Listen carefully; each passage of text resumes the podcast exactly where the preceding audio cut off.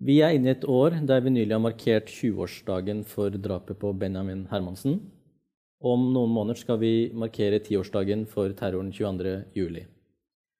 Og vi har lagt bak oss et år som kan stå igjen som et vendepunkt i den norske rasismedebatten. Og jeg sier 'kan' fordi den historien fortsatt skrives. Og denne samtalen vi skal ha i dag, kommer til å bli en ny side i den historien. Jeg heter Johan Shanmiga Ratnam. Jeg er journalist og forfatter eh, og skal lede denne samtalen med skuespiller, dramatiker og forfatter Kamara Lundestad Joof og Jamal Sheikh, som står bak eh, Instagram-kontoen Rasisme i Norge. Velkommen. Takk. Tusen hjertelig. Eh, og jeg skal begynne med deg, Jamal. På tampen av fjoråret så havna du midt i en ganske oppheta debatt etter at du bemerka at uh, en av karakterene til Espen Eckbo, komikeren, i uh, TV-serien 'Nissene på låven' uh, brukte såkalt blackface-sminke. Mm. I TV-serien 'Nissene over skog og hei'. Og det um, førte bl.a. til at Dplay, som hadde lasta, lagt ut serien, først tok den ned og beklaga. Og på et tidspunkt så tok de den opp igjen og la den ut med en slags merknad. Så det jeg lurer på, er Um, nå har det gått litt tid. og Hva slags tanke gjør du deg nå, uh, etter den debatten og det du sto midt oppi? Jeg tror ingen eh, forbereder meg på det. Jeg tror uh, ikke helt Det er jo ganske unikt det å skulle kommentere noe via sosiale medier som handler om rasisme, og som handler om blackface, hvor vi faktisk klarer å få resultater eh, som tilsier at de fjerner en TV-serie. Eh, det var uventet, eh, sjokkerende i starten. Eh, og så var det også veldig kult å se at et så stort selskap eh, ser sitt ansvar, eh, forstår hvilken tid vi er i, forstår konteksten av det, og forstår litt Forstår litt sensitiviteten i det. At de ikke gikk inn i det ufølsomt. Men men at de Altså, det må jo være ganske tøft valg da, å skulle fjerne en TV-serie. Tror ikke det er noe enkelt valg. Også fordi at folk har jobbet på den, og liksom bare respekt av arbeidet de har gjort. da. Det er jo mennesker som har jobbet på det her, så jeg tror det var sikkert uh, et tøft valg for, uh, for Deeply. Jeg tror ikke det var lett, men uh, jeg, tror det, jeg, tror det, betyr noe at store selskaper tar et standpunkt. jeg dikterer ikke hva de skal gjøre, hvilke valg de tar. Vi kommenterte kun uh, TV-serien og hva vi tenkte om det. Og mente at du kunne ansette en svart skuespiller, Så det er utrolig mange mennesker av. Så for min del så var det fint at vi kom gjennom det. Uh, det var en het debatt, men uh, jeg tror alt godt starter litt hett. er det lov? Men ja, som du sier, det ble en debatt. Du var jo selv en del av den. Og det ble skrevet kronikker og en del aktører som eh, meldte seg på debatten kjapt. da. Var det noen av reaksjonene du ble, hva var det du ble mest overraska over? Ja, jeg ble, jeg ble vel overraska over det faktum at uh, en del av uh, motkommentatorene var uh, folk med afrikansk bakgrunn. Mm. Som, som, egentlig kom til halsen min og mente at jeg Hvordan kunne jeg kommentere noe sånt? Og hvordan, hvordan kunne jeg si at blackface ikke var greit? Og det var jo ikke blackface. og du, vi er ikke krenka, det er du som er krenka. så tenker jeg det er veldig flott. Bra at vi har uh, meninger. Jeg syns det er fint å høre nyansene. Jeg har min stemme. Um, men de må også ha sine stemmer. De har sitt, sitt synspunkt på det. Og de mener at jeg ikke følte debatten i riktig retning, eller at jeg ikke vinklet det riktig. Det har de all sin rett til å tenke. Det er jo deres egen mening. Uh, men så må jeg også se på arbeidet og hva jeg får til, som jeg tenker er gøy. Eh, de som skriver alle disse kommentarene og kronikkene om meg, eh, noen ganger også personlig om meg, eh, har de rett? Bør jeg føye meg etter det de skriver og det de mener? Nei. Jeg tror det er som alle andre, at de har en mening. Det fått lov til å ha. Og de har sine plattformer og sine kanaler som de ytrer seg i. Men jeg tror at hvis jeg, hvis jeg justerer vinkelen min for hvordan, hvordan drive min del av rasismedebatten ut ifra hva de skriver om meg i en kronikk eller i et intervju, så, så blir det ikke en lang vei. Det blir ganske kort. Da stopper jeg ganske fort. Ja. Kamara, du fulgte denne debatten her. da den raste. Eh, hva tenker du nå, nå som det har gått litt tid? og Du var jo ikke like midt oppi det sånn som Jamal, men hvordan, hva sitter du igjen med av, fra den debatten? Nei, jeg tror jeg satt mest igjen Jeg skrev en kommentar i Dag Brown-debatten også. Eh, eller metanivået av debatten, da, på mange måter. At eh, at vi lever i en eller annen sånn konstant loop, kjennes det ut som. Som eh, eh, vi, vi, går litt sånn på tomgang og rundgang, var det jeg tenkte på. fordi når debatten ble fremmet bl.a. av Jamal, så var jo veldig mye av avfeiningen av debatten var at dette er ikke viktig nå. Eh, dette er et gammelt fenomen. Eh, dette driver vi ikke med lenger. Eh, dette er egentlig ikke et problem i Norge. slutt å ta oppmerksomheten bort fra den egentlige rasismedebatten. Slutt å ta og distrahere. Vi må snakke om det som er viktig. og så spurte jeg det tilbake til da når Nationaltheatret hadde blackface i, på begynnelsen av 90-tallet, med 'Engler i Amerika', med sånn Geir Kvarme med sånn eh, dreadlock-parykk og litt sånn malt stor nese og uh, utprega lepper. Eh, som da Nordic Black prøvde å fremme da, at de syntes det var ugreit. Og avfeilen fra Nationaltheatret var eh, dere er bare sure for dere ikke er gode nok skuespillere til å spille. Eller dere har ikke høy nok kunstnerisk kompetanse til å kritisere hva vi driver med. Og slutt å avfeie. Det fins viktigere rasismedebatter. Og så kunne du på en måte spole tilbake til når NRK fikk eh, kritikk i 1960 Eh, for å ha brukt blackface på TV. At det var folk med afrikansk diaspora-bakgrunn som jobbet i kunstneriske virker i Norge da, som sa hei, denne minstelshow-greia er ikke ok. Og da fikk de beskjed om at nå gjør dere rasismedebatten vanskeligere for andre mennesker. Dette er ikke viktig. Dette er ikke et norsk problem. Så man kan jo se at de, disse debattene beveger seg jo ikke videre fordi vi glemmer dem mellom hver gang, og så behandler vi det som et nytt fenomen. Eh, og så blir det avfeid som krenkelseshysteri, og så avsporer man den virkelige debatten. Og så blir man jo til slutt litt nysgjerrig på hva, hva mener du er den virkelige debatten. Hvis vi har snakket om dette i, i 60 år, da, har noen prøvd å si at dette ikke er ok. Men hver gang så blir det avfeid som liksom et isolert tilfelle. Så jeg tror kanskje jeg ble veldig fascinert på et, eh, et mediekritisk ståsted. Da, så ble jeg veldig fascinert over eh, hvordan den har blitt avfeid tidligere. Men det man kunne se med sosiale medier nå, at dette ble jo plutselig en debatt som ble ikke avfeid med ett leserinnlegg eller en kommunikasjonssjef på Nationaltheatret som bare gjør sånn, eller NRK som bare ikke engang gadd å svare. Eh, men samtlige aviser i lederartikler, i kommentarfelt, i spalter kastet seg på.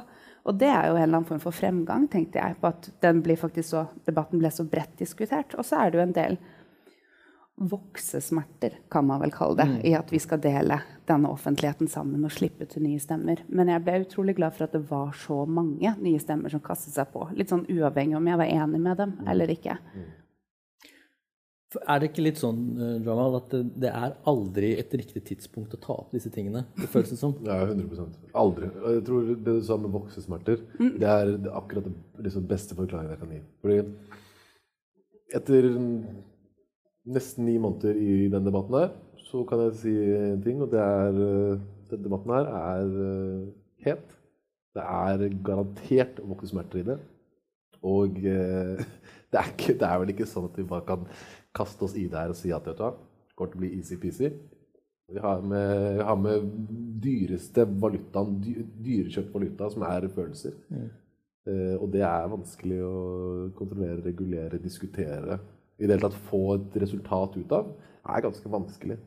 Men uh, kan bare si at uh, det som er utrolig fint å se, det er at mediene tok det så alvorlig. At debatten kom på et så stort nivå. At mediene tok over debatten, snakket om det. At det ble et, et, et, et lederengasjement, og ikke bare eh, enkeltkronikker eh, som på en måte for, forsvant i sin historie. At det fortsatte dag etter dag. Og da begynte jeg å få følelsen av at ok, men nå, nå, begynner det å skje noe. Mm. Dette hadde jeg ikke sett før. Jeg, er født og oppvokst i Norge, aldri sett en tid. Kan ikke huske en tid. Eh, når Benjamin døde, så var jeg ganske ung. Jeg kan ikke huske en tid i den tida jeg har vært på en måte ung og voksen, eller vært liksom av alder, hvor det har vært debattert, hvor det har snakket om, hvor folk har eh, engasjert seg for det på samme plan, og hvor det har vært så mye som har skjedd, og så mye resultater som har skjedd både i media og bare generelt i livet. Og så er man midt oppi det. Mm.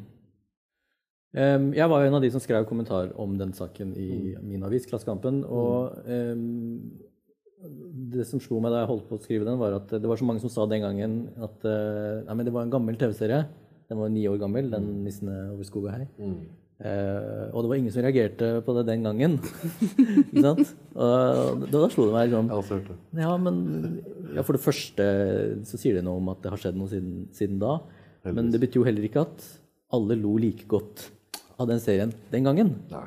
Og en av de som sendte meg en e-post etter at jeg skrev kommentaren, var en, en mor som skrev at uh, hun var en norsk, etnisk norsk hvit mor uh, med et barn som uh, var, hatt- med afrikansk bakgrunn. Og hun bare takka meg for at jeg hadde skrevet den. Fordi selv hun som mor følte ikke at hun kunne ødelegge stemninga og påpeke noe så fundamentalt som at dette går utover barnet mitt, liksom. Mm. det er den derre Du ødelegger stemninga. Det er et ganske viktig moment du sier der. Fordi det, så, det det føles som, er at, eh, er at man ødelegger stemninga. Man tør ikke si noe. Folk tør ikke ytre seg. Med frykt for at nettopp skal ødelegge stemninga. Men det er jo ikke stemningsbasert. Ikke sant? Det er jo ikke en Det, er jo ikke en, det, er jo ikke en, det her er jo ikke et, det er veldig kjipt å kalle det et tema. Fordi ukens tema er jo ikke akkurat liksom det er litt større enn som så. Men uh, akkurat det du sier der, der er det, der er det bundet. Mm. Tenker du det samme? At det er mye som handler om å Å bevare den gode stemninga. Jeg tror nok det er jo det som er altså, noe av det vanskeligste å få bukt med. Eh, med eh, altså, når man snakker om rasismedebatten, så snakker man jo om den på liksom veldig mange nivåer. Man snakker om de strukturelle nivåene. Da snakker man om tilgang på boligmarked, tilgang på god helsehjelp, eh, tilgang på arbeid. Og så snakker man jo om det på dette individuelle planet. Det å kunne få lov til å navigere kroppen sin fritt i et byrom uten sjikanering. Altså det er jo så mange ting vi snakker om på en gang når vi snakker om rasisme. Men når det handler om de mellommenneskelige aspektene av det, så kommer vi liksom alltid tilbake til den gode stemninga. Eh, som er kanskje noe av den vanskeligste å ta oppgjør med, fordi den er vi alle ansvarlig for. Det ligger alltid jeg, jeg brukte jeg tror kanskje det bare er et par år siden, ah, maks halvannet år siden kanskje, jeg klarte å avlære meg at hvis jeg satt i et møte som den eneste brune personen, om det så var i Kulturrådet eller på et institusjonsteater eller i et departement, og noen kom med en sleivete kommentar eller en dårlig spøk som skapte dårlig stemning hvis jeg reagerte på det, så innså jeg at det var min oppgave å løsne opp stemningen ved å le ekstra hardt av den vitsen. Eh, sånn at ikke møtet skulle handle om det. Selv om det var veldig klønete sagt av han. Og det at det alltid er den personen som blir utsatt for det, som får ansvar om å le høyest for å gjøre det behagelig for absolutt alle, det å avlære seg det ansvaret med at bare lene seg bakover og la det møtet gå litt til helvete, da. Så bare la, la oss sitte i det ubehaget i 20 minutter. Det er helt greit. Frem til noen enten ber om unnskyldning eller prøver å snakke om budsjettet. Eller for å komme til det punktet hvor at det ubehaget er blitt så kollektivt at det blir alles ansvar å ta tak i det. Hvis ikke så er det bare For, for meg er det ubehagelig uansett, men jeg kan gjøre det mindre ubehagelig for resten av rommet. Men nå er jeg bare veldig opptatt av å gjøre det ubehagelig for absolutt alle. For jeg tror jeg er den eneste, Hvis vi deler det ubehaget, er den eneste måten å komme gjennom det på. Så man må bare tørre å pisse litt på den, den gode stemninga. Men det koster, altså. Og du blir ikke likt. I hvert fall i et møte. Jeg vet ikke om jeg hadde klart det engang. mane til en slags ubehagsdugnad? Ja, en ubehagsfelles altså Det å tørre å stå i det ubehaget. da. Og så er jo det altså, Er det produktivt? Det kan være det. Men noen ganger så begynner det jo bare opp i at noen begynner å grine, eller liksom tårer, eller dårlig samvittighet. Eller, men noen ganger så kan det også inspirere til handling. Og si at vet du hva, du kunne sagt ifra. Du kunne sagt til din kollega at det ikke var greit. Det er ikke jeg som trenger å si at det er greit for at vi skal komme oss gjennom dette møtet. Så det å og det å også skulle holde på den gode stemninga i den offentlige debatten er jo også ekstremt viktig. Eh, den gode tonen, eh, det siviliserte språket. Eh, som ofte noen ganger er også en hersketeknikk for å si at de som er veldig rammet av dette, har store følelser, og de følelsene burde vi egentlig ikke gi plass til, fordi det er ikke like ryddig som når vi som er vant til å diskutere ting i avisspalter gjør det med vår tone og vår akademiske bakgrunn. At det ligger jo også både et utdannelses- et klasseperspektiv og en, eh, en tilgang da, på offentligheten. Hvis det er den gode stemninga som skal råde hvordan debatten føres. Alltid. Så voksesmerter Vi må bare tåle å stå litt i dette ubehaget sammen. Da. Selv om det ah, det gjør vondt. Altså, det gjør vondt for meg også. Jeg elsker god stemning. Jeg liker å være sånn hostess of the mostess og sørge for at alle går overens. Men eh, jeg driver i hvert fall og prøver å avlære meg å ta ansvar for at alle skal ha det hyggelig sammen. Ja, det, det kan ikke være sluttmålet at vi skal get along to get along. Mm. Vi må 100 Nei, Jeg er veldig enig. Jeg, jeg tror jeg også liksom jeg driver en side med, eller driver en konto med 30 000 følgere. Og, og masse dårlig stemning. Ja, mye, mye ikke bra stemning. Og, der, og, der, tar jeg meg selv Jeg skal være veldig ærlig på det og si at um, i dag er det mandag. Uh, like før jeg slagger ut en uh, 'ha det fint' og 'håper alle har det bra' og 'livet er bra'-type post. kanskje fordi jeg hadde behov for det. Og nødvendigvis kanskje ikke hele den antirasistiske bevegelsen. Men det sier noe om det ønsket jeg også har selv for at uh, det skal gå så ryddig og fint for seg. Mm. Jeg har veldig behov for at det skal gå veldig greit. Fordi går det ikke greit, så får jeg høre det på kontoen. Ja. Går det ikke greit hvis folk føler at ah, nå er dere litt for uh, Syns dere er litt for ekstreme. Syns dere er litt for sånn. Syns dere er litt Så du har veldig mange mennesker som mener noe om det, og som også putter et stempel på det, regulerer i forhold mm. til hvor mye er det. Ja, mm. sånn tone policing. Uh, i, i, forhold til ok, her var det litt for mye der, der, der. Her var det litt for lite sånn. Ah, nei, vi, vi anfaller over der. Nei, vi går, vi går dit. Ja? Så jeg tror man Jeg tror den derre tone policingen og det faktum at uh, du må ha en god stemning Dessverre å si det, men store deler av uh, antirasisme, det vi jobber med, er jo ikke, er jo ikke bursdag, liksom. Er jo ikke party. Nei. Det er livet. Det er interessant, da, fordi på den ene siden så er det aldri riktig tidspunkt å ta opp mm. disse tingene. Men når man først gjør det, så gjøres det på, med feil stemme eller feil, eh, feil eh, slags eh, intensitet. Eller, ja, det, er, det er alltid et eller annet man kan gjøre annerledes, om man får beskjed om det. Mm. Det, det syns jeg er liksom påfallende. at mm jeg kan også velge altså Jeg har høy utdannelse, jeg kan godt velge et veldig akademisk språk hvis jeg vil det. Mm. Uh, og de gangene hvis jeg gjør det, så kommer det kanskje et innlegg som er sånn fra en akademiker som er dypt følelsesladd og sånn null uh, Henger ikke på greip i det hele tatt. Men vedkommende er så indignert over at jeg mente et eller annet. ikke sant? Og, og da, hva, gjør jeg da? Skal jeg svare da, hvis jeg svarer med samme tone, samme følelsesmessige tone? så vil eh, det neste svaret bli en sånn akademisk ja. altså er, Du må orientere deg hele tiden i et sånt landskap som, som er vanskelig å manøvrere i. Da. Men, men det, altså, det, handler jo ikke bare om uh, den blackface-saken. Uh, nå vil jeg ikke sause sammen ting som ikke henger, har med hverandre å gjøre direkte, men, men, i de ulike debattene som har vært knytta til rasisme uh, og type avkolonisering og relaterte ting, siden på Kunsthøgskolen i Oslo, Linné-benken i Botanisk hage, til og med sånne ting som Eskimonika diplomis-symbolet, så utløser de noen reaksjoner som ligner. Og I hodet mitt så er det to hovedreaksjoner. Den ene er eh, den klassiske, rasistiske, på en måte tradisjonelle eh, reaksjoner på, på, disse tingene. Mm. Det andre er litt mer sånn fra akademisk og mediehold som kanskje er det vi snakker om nå, da. Eh, som er gjerne sånn kronikker. En eller annen person kommer ut og sier jeg skriver en kronikk som inneholder ord som identitetspolitikk og krenkehysteri og ytringsrom. Og gjerne at ytringsrommet blir eh, mindre. Eh, de, den siste reaksjonen lurer jeg på hva, hva, hva dere tenker om. Eh, uavhengig av hva den utløsende årsaken er, så er det liksom Jeg føler at det er litt der debatten ofte stopper opp. Mm. Eh, nå er det fritt fram.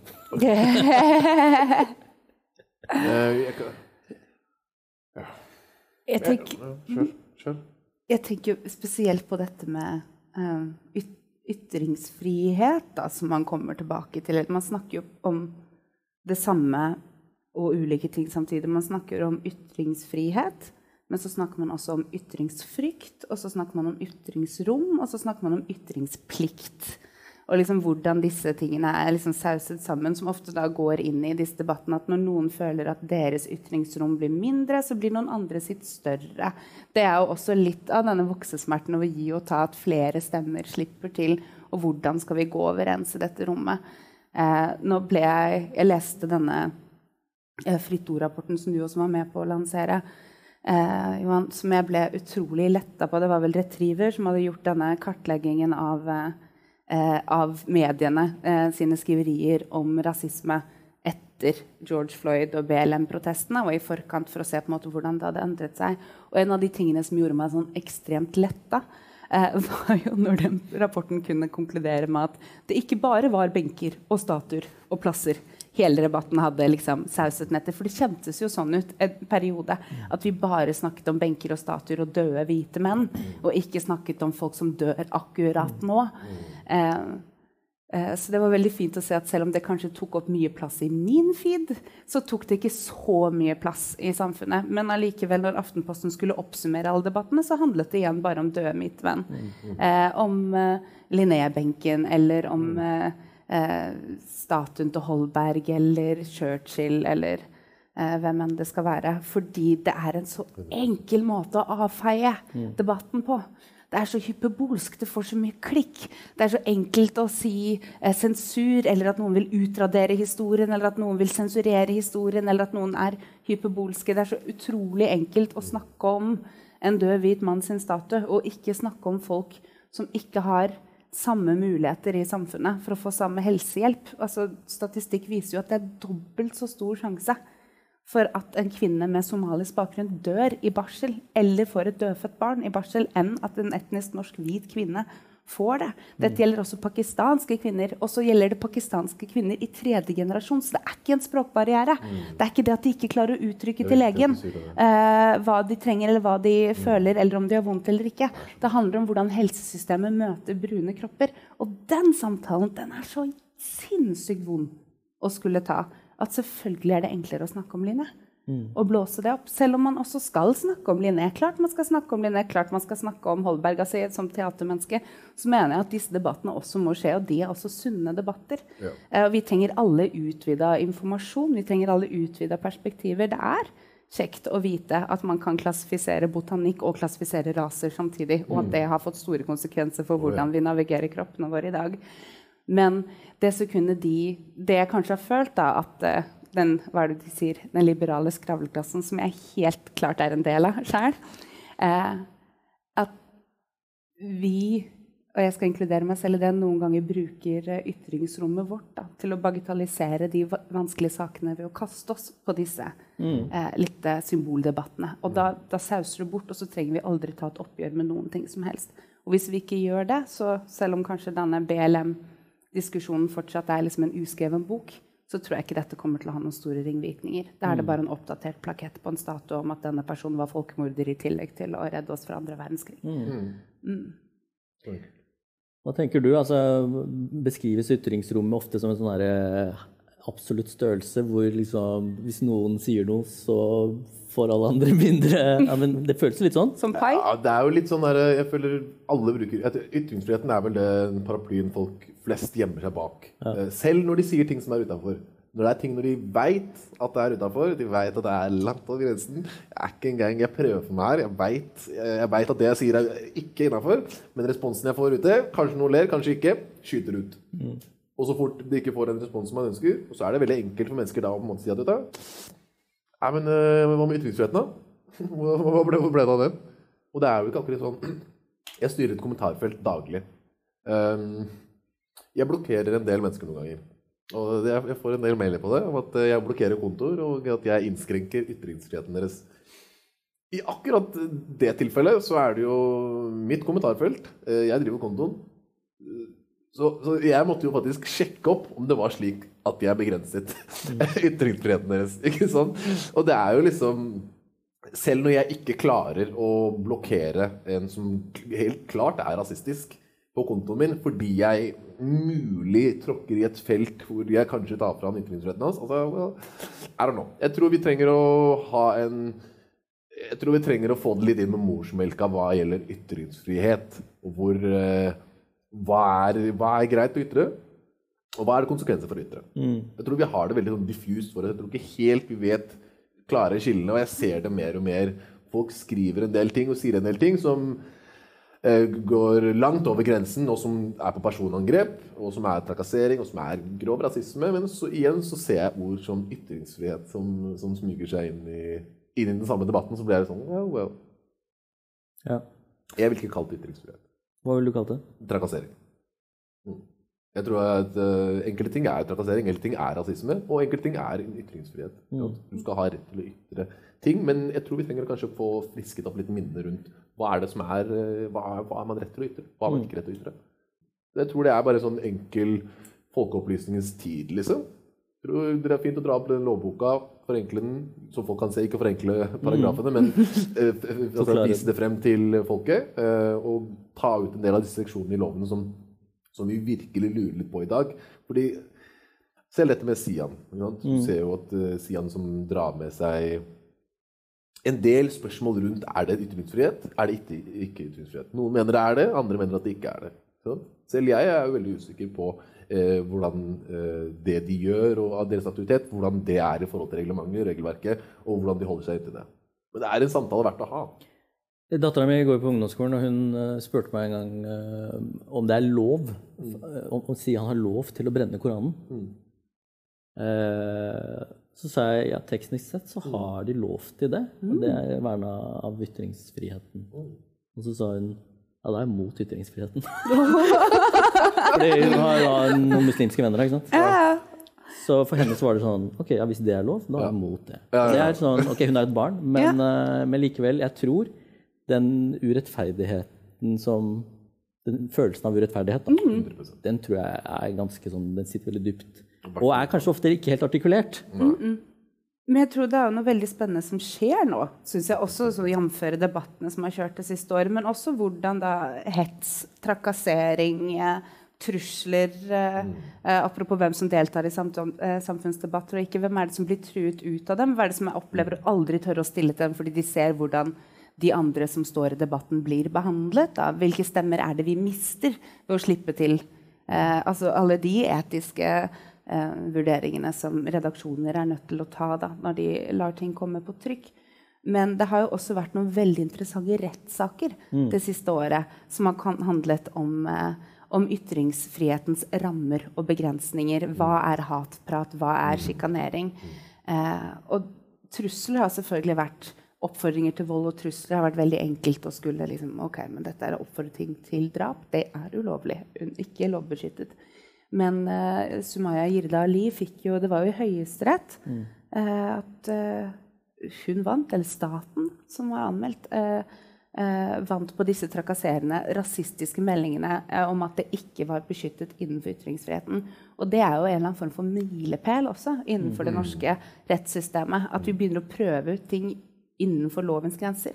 Og det tenker jeg at det er jo altså et samfunnsansvar vi alle har. At når vi ser ting, så er det jo bare altså, Trykk, report, anmeld det. Og så må faktisk vi stole på at rettsstaten eh, må ta disse vurderingene og finne ut av hva som er innenfor og utenfor. Og så har vi litt voksesmerter der også. Det virker som at jeg unnskylder alt med voksesmerter om dagen. Jeg prøver bare å være litt raus. Eh, men, eh, men at det er Det har vært et veldig interessant år, halvannet år, med veldig mange debatter som har blitt løftet samtidig, men som også hadde vist fram noen liksom, punkter i lovverket vårt og i hvordan redaksjoner behandler eh, tematikk og hvilke stemmer som kommer til trykk. Da. Så det er ikke kjedelig. Det er bare vondt. Ja, ikke sant? Det, Så er det uvant. Jeg tror veldig mange fortsatt liksom plasker Det skjer så mye endringer så kort tid at jeg tror liksom Du raser fra, fra første til tiende etasje i rekordfart, og så står det noen som har vært i det bygget her i ti år og bare holder seg fast til heisen, liksom, og lurer på du må, må du ta roen ned, går vi litt fort frem her. Jeg tror det er sånn, jeg tror både i forhold til rettssakene, jeg tror i forhold til prøvelse av rettssaker, synliggjøring av stemmer, eh, mennesker som, altså det du sa med mennesker som forsvinner, stemmen som forsvinner ut av denne debatten her bare, eh, det i seg selv er noe utrolig verdifullt. Fordi det som skjer, det er at eh, når du har så sterke motpoler som vi har hatt i denne debatten, når du har så sterke stemmer på alle sider, så er, så, er det, så er det viktig å se at resultatet av en del av disse stemmene, som vi kan kalle sterke eller kalle, kalle nesten ulovlige til tider, kan være trakasserende og rasistiske, eh, dette er stemmer som, som, som ikke bare skremmer én ut av debatten, men skremmer eh, utallige ut av debatten. Og som holder den døren låst, og som gjør at uh, du nesten blir litt sånn blir en forsvarsmekanisme. Da. Og er det det vi skal drive debatten på? Ikke sant? Ikke i det hele tatt. Jeg tror at hvis vi skal drive det her, så må det være en, en, en større forståelse av at det her tar tid. Det er en debatt som kommer til å vare. eh, Og vi må fortsette å jobbe med det. Og det er en menneskelig greie, vi fortsetter å snakke om det. Men eh, jeg er også enig i at redaksjonene og de menneskene som legger eh, disse innleggene kronikkene på trykk, har det største ansvaret i forhold til hva som, hva som synliggjøres. Hva kommer ut? Hvordan blir stemningen? Hva er, hva er i det hele tatt tonen for rasismedebatten i 2020? Eller 2021? Ja. ja, altså, jeg skal stille et litt stort spørsmål som jeg var innom innledningsvis. Og det er apropos det at vi er Vi har jo vært gjennom et skifte. Kanskje. Kanskje. Vi vet ikke ennå. Um, var 2020 et vendepunkt i den norske antirasistiske debatten? Uh, I så fall hvordan? Uh, på hvilken måte? Og hvis det ikke var et vendepunkt, så vil jeg gjerne også at dere reflekterer litt rundt det òg. Du kan jo begynne. Um, ja. Eh, et vendepunkt var det. Jeg vet ikke om det var det for Altså, det, er- det er to ting, da. Et vendepunkt for hvem? Um, jeg har jo lenge, altså de siste tolv årene av karrieren min, så har jeg samlet egenopplevde anekdoter, andre menneskers anekdoter av rasisme, plassert på scenen. I 2018 skrev jeg en bok om liksom eh, mine egne opplevelser med traume. Hvordan snakker man om traume? Hvordan snakker man om det uten å retraumatisere seg selv? Eh, og det har vært en, et, eh, et arbeid mange har gjort før meg. Eh, det er jo bare, jeg bygger meg jo bare på folk som har jobbet med dette i Norge i, i 60 år. Det har vært afrikanere i Norge i 400 år, kom igjen, folkens. Eh, men å på, bygge meg på kunnskapen fra liksom, samiske aktivister. Fra, eh, men i 2020 så kom det så sinnssykt mange stemmer til. Det kom så uendelig mange stemmer til på sosiale medier, i kommentarfelt, men også Guro Sibeko kom med en fantastisk bok. Du kom med en fantastisk bok.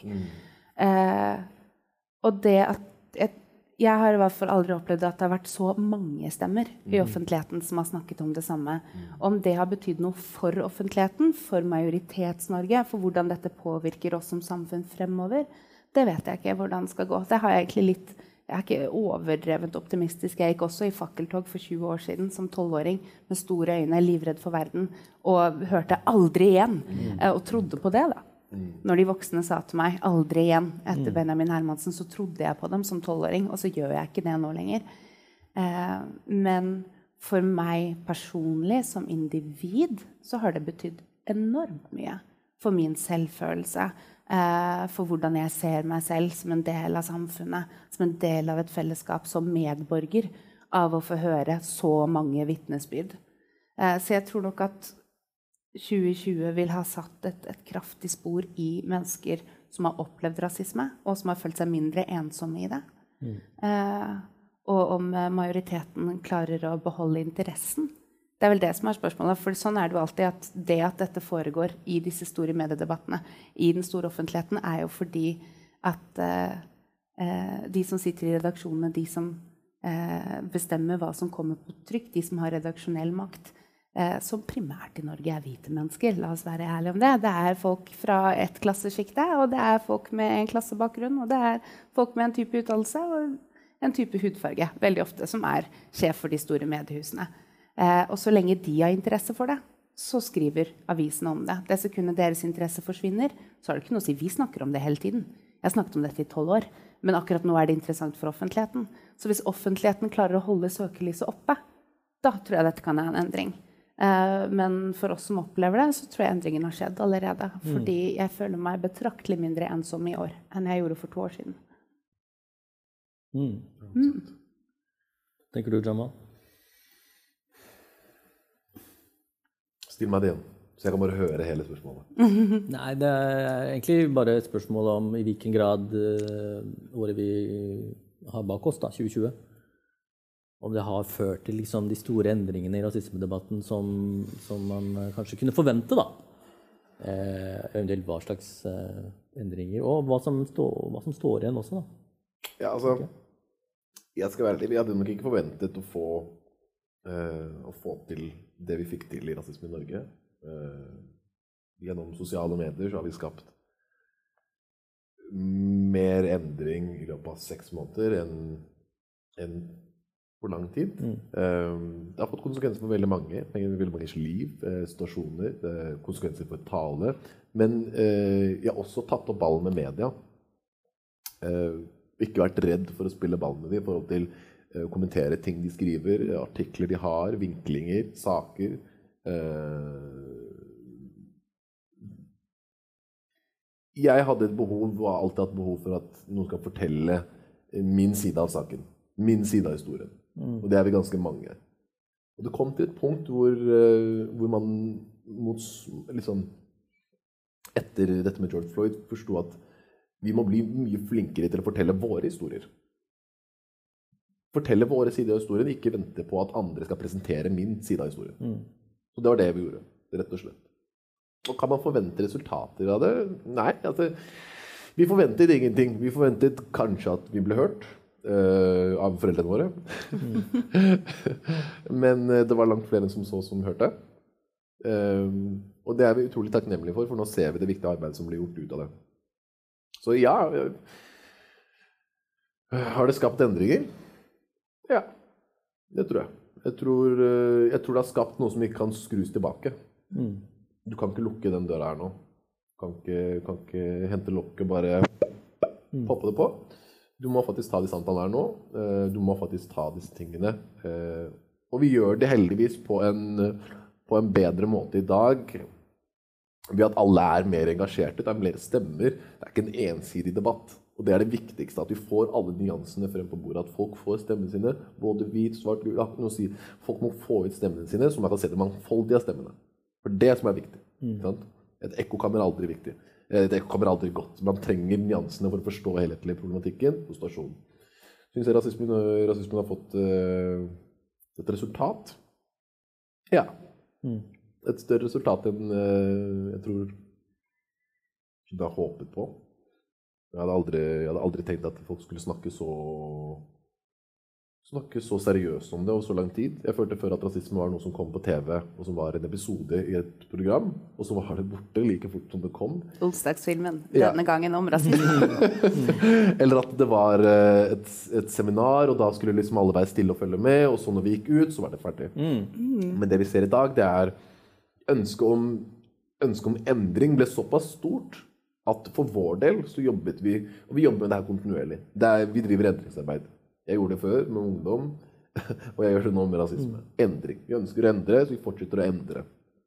Det som er fint i dag, i i 2020 og 2021, er at vi har verktøyene til å endre. På lik linje som alle andre. På lik linje som eh, det vi så i Midtøsten med The Arabian Spring, det som vi har sett i BLM-movementen som startet i Amerika, som har flyttet seg utover hele verden. Så ser du at vi har de samme verktøyene til å informere, eh, til å skape engasjement, til å diskutere, til å åpne opp eh, rommet. Så rasisme i Norge, hva gjorde jeg med rasisme i Norge? Vi, vi satte en svær sofa i midten av rasismedebatten, og så ba vi alle sette seg, og så åpna vi en pose med chips, som var kommentarfeltet, og så gikk, og så gikk folk liksom eh, løs, da, og kommenterte og diskuterte og, og debatterte seg i hjel. Og hvis det ikke er endring, så veit jeg ikke. Hvis det ikke er endring, så, så veit jeg ikke. Hvis det ikke er endring at folk i det hele tatt eh, har så stort engasjement for det, altså mye unge folk, videregående elever, barneskoleelever Den debatten er overalt. Mm. I alle ledd av samfunnet. Altså på jobben til moren min. altså Det er endring. Men kan vi si oss fornøyd med det? Nei. Betyr det at, uh, betyr det at vi er at vi er der hvor vi bare kan si vet du hva, wrap it up. Takk for alt. Yes, we conquered it all. Rasisme er knust. Nei, det er ikke så enkelt. Vi har masse tid og masse arbeid. Kan være. Ja, nei, for det, det er noe av det jeg lurer på om måten vi fører den antirasistiske kampen nå, er bærekraftig Over tid. over tid. Eh, med tanke på hva den koster for individet å stå i. Eh, for nå er vi jo altså, Det er helt klart noen framskritt som har skjedd. Altså, det er bare tre år siden jeg opplevde at videregående skole ringte meg og spurte om jeg kunne komme og snakke. Men de var litt sånn Men du, vi hadde Amal Aden i fjor. Tror du det blir litt mye å ha deg i år? Og man bare Er det sånn dere booker resten av Den kulturelle skolesekken? Hvor mange folk har dere hatt på? Altså, Nei, ikke sant? Så det går fra det at det er ikke spørsmål. Nå kan en skole spørre om jeg kan komme fire ganger i løpet av et år. Eh, for å fortsette debatten. For nå har vi jobbet Bra. med det i workshop i mellomtiden. Nå kan du komme tilbake og se på resultatene.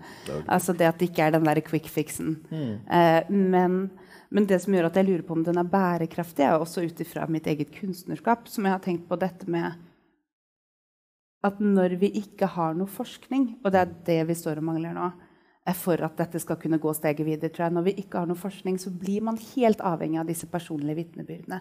Min side av saken, den subjektive opplevelsen, traume.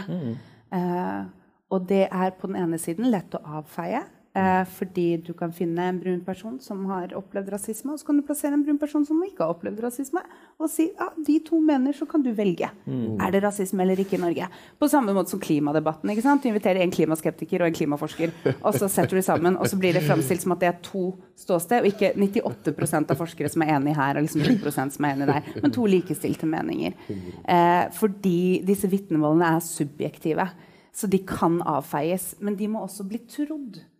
Og kostnaden for enkeltindividet om å måtte vitne på sine egne vegne om egne traumer hele tiden og legge det fram for offentligheten og be om å bli trodd, det er ydmykende, det er utmattende. Det folk blir utbrent av det, du blir sjikanert og trakassert ut. Og det er fortsatt et spørsmål om du er troverdig. Kan du ha kildekritikk til deg selv? Mm. Eh, Istedenfor å snakke om da, kjernen rasisme. Så jeg tror at Hvis vi ikke klarer å bevege oss fra disse personlige vitnebyrdene, fra disse enkeltstående hendelsene, til en sånn reell handlingsplan, kartlegging, statistikk, forskningsmetode, dybdeartikler fra avisene istedenfor meningsinnlegg Hvis vi kommer til det punktet, så kan vi i hvert fall forhåpentligvis slutte å starte liksom, panelsamtaler eller avisintervjuer med Fins det rasisme i Norge? Mm. Eh, eller mm. er, er, rasismen strukturell mm. i Norge? Altså, og så beveger vi oss litt og ligger lenger. Liksom sånn, hvor ille er egentlig rasismen i Norge? Eh, at vi kan bare, så, statistikken viser at sånn er rasismen i Norge. Hva skal vi gjøre med det? For vi er fortsatt på det liksom, utforskningsplanet. Er det? Hvor ille er det? Er det like utbredt? Gjør det så vondt? Kan det være hyggelig også? Hva med de beste intensjoner? Altså at vi, hvis, vi skal, hvis dette skal bli bærekraftig samfunnsendring, så tror jeg vi er helt avhengig av at forskning kommer på bordet. At ja. researchjournalistikken kommer på bordet. Mm. Og at uh, det ikke bare er avhengig av troverdigheten til enkeltindividet som har opplevd det, om majoriteten liker deg godt nok til å tro det eller mm. ikke. Er jo tøft, da. Det er mange det er det liksom, Vi anonymiserer alle. Mm. Med mindre du eksplisitt ønsker å stå frem med navn og, og hvem du er, så anonymiserer vi det alle. Og det er fordi at jeg veit hvor tøft det må være å sitte på sosiale medier og dele At det eneste stedet du kan få hjelp med en rasismeopplevelse du har hatt, er å dele det via en, via en sosial mediekonto. Og du aner jo ikke engang hvordan de skal forvalte historien din. Mm. Uh, og jeg måtte liksom trygge veldig mange mennesker på det faktum at du, du trenger ikke å komme ut Du trenger faktisk ikke engang å fortelle alt det her hvis du ikke ønsker det. Mm. Vi kan faktisk bare snakke sammen på telefon ofte. Vi kan bare ta en telefonsamtale. Bare snakke litt om hvordan det går, hvordan dagen har vært. Og så kan vi kanskje ta den praten i morgen. du skylder ingen traumet ditt? Ikke sant? Mm. Det er liksom, Jeg mener det her, og det her er, det her er virkelig uh, Vi må passe på oss selv i det her. Mm. Jeg tror vi også må verne uh, oss selv, og jeg tror vi må begynne å verne hverandre mye mer. Uh, og passe på at vi er litt skjolda, at vi er litt rustet inn i hva det er vi går inn i. Veldig mange mennesker deler utrolig mye, men er vi egentlig klar for å dele så mye? Er vi, er vi klar for konsekvensen av det å dele så mye? Eh, etterfølgende det får. Folk har kommentarer til din opplevelse og ditt liv. Folk engasjerer seg i din kommentar og ditt liv. Vi har sett utallige saker nå i mediet hvor det har gått veldig langt for mm. seg, og folk har engasjert seg i andre familiers traumer. Det er ganske skummelt. Det er derfor jeg har vært sinnssykt var i hvert fall de siste, siste månedene på i det hele tatt engasjere meg i en sånn type sak. Eller å tørre å ta i det. fordi at eh, det er følelsene til folk. Mm. Du forvalter det dyreste folk har. Eh, og med det så følger det også et enormt stort ansvar å oh, ja. Mm. Og jeg vil bare liksom understreke, for jeg er jo en selvbiografisk dokumentarisk kunstner som driver med vitnemål. Eh, og er ergo i en ekstremt stor egen kunstnerisk krise nå etter flere diskusjoner om jeg burde revurdere hvordan jeg jobber. Eh, men det som er viktig å si, da, for jeg opplever veldig mange unge mennesker som tar kontakt, men også voksne mennesker som tar kontakt, som også har opplevd noe, og som også vil dele, som kanskje vil skrive bok, eller kan jeg få dette på en teaterscene, eller mm. eh, hvor jeg sier jo, jo, eh, men wow, wow. Ja. Eh, jeg har gått elleve år til psykolog. Elleve. Eh, og jeg har aldri plassert noe på en scene eller i en kronikk eller i en Facebook-status eller i en bok uten å ha bearbeida det grundig i terapi. Offentligheten er ikke mitt terapirom, fordi det er ikke et trygt rom å drive med noe som helst form for healing. Altså. Eh, så all, altså, alle mine traumer, om det så er om å bli banka opp av nynazister eller oppleve noe ubehagelig på trikken, altså hva enn det er, har jeg bearbeida hos en terapeut før jeg tar det ut i offentligheten. Fordi it's not a safe space til å skulle ta disse. Og det er veldig viktig i hvert fall å understreke til 14-åringer med en Facebook-konto. At kanskje ikke, kanskje ikke der. Kanskje et tryggere sted først. Fordi altså, Apropos ytringsklima. Ytr It's brutal. Det er brutalt. Så det å være se, til alle som vil Gå til psykolog. altså Gå og få den altså bare Ta vare altså. på deg selv, da. Ta vare på deg selv. Dette er ikke, det er ikke en, en terapeutisk handling å dele traume offentlig. Så don't use it as such. Kommentarfelt er ikke stedet nødvendigvis. For noen så er det det, og de er rustet til det. Og de ønsker å dele, og de, er, de har på en måte kommet over det, det, det steget hvor OK, vet du hva, kanskje jeg kan hjelpe noen andre med det jeg skal dele nå. Kanskje jeg faktisk klarer å gi noen andre en litt bedre forståelse av hva de selv går gjennom hvis jeg deler. Og det er det så utrolig mange poeng ut av. Og det man ser, da, det er alt. Som du sier, det er mange som må passe på hva de deler, og hvordan de deler det. Må få i gang et eller annet system og struktur som håndterer opplevelsene. Og folk som opplever rasisme, må kunne gå et sted og snakke om det. Ikke sant? Hvor, hvor det å snakke om rasisme er hele greia. Men så er det også eh, på andre sida noen veldig gode uh, delinger og skildringer som jeg tror har hjulpet en del mennesker med hvordan deale med det når du sitter i klassen, da, for eksempel, mm. og eh, folk er stygge med deg på rasistisk måte. Så var det en som skrev kommentarfeltet på en utrolig fin måte og forklarte liksom at hun hadde opplevd det selv, men at eh, dette var det hun gjorde. Og, liksom, og da sitter jeg liksom eh, som moderator i et kommentarfelt hvor noen opplever, opplever noe, deler det, og så er det noen andre som deler sin, sin måte å vinne gjennom det på. Og så sitter du sånn på sida og så tenker du wow, mennesker er helt utrolige. Mm. Så man, man ser alt. Ja. Man ser alt, Men uh, sosiale medier er et utrolig farlig sted eh, å dele personlige erfaringer. fordi idet du slipper de i sosiale medier, så er det sosiale medier som eier historien din. Og da forvalter de den som de ser det rett. Det kan være opp og ned. Tida har løpt fra oss, så vi må faktisk avrunde. Men uh, tusen takk til Kamara Lunde Stajouf og Jamal Sheikh, og til dere som har sett på. Eh, som sagt, dette var bare en side til i den lange historien om eh, antirasismen, eh, SCORE, i Norge. Eh, og den historien fortsetter. Tusen takk for oss.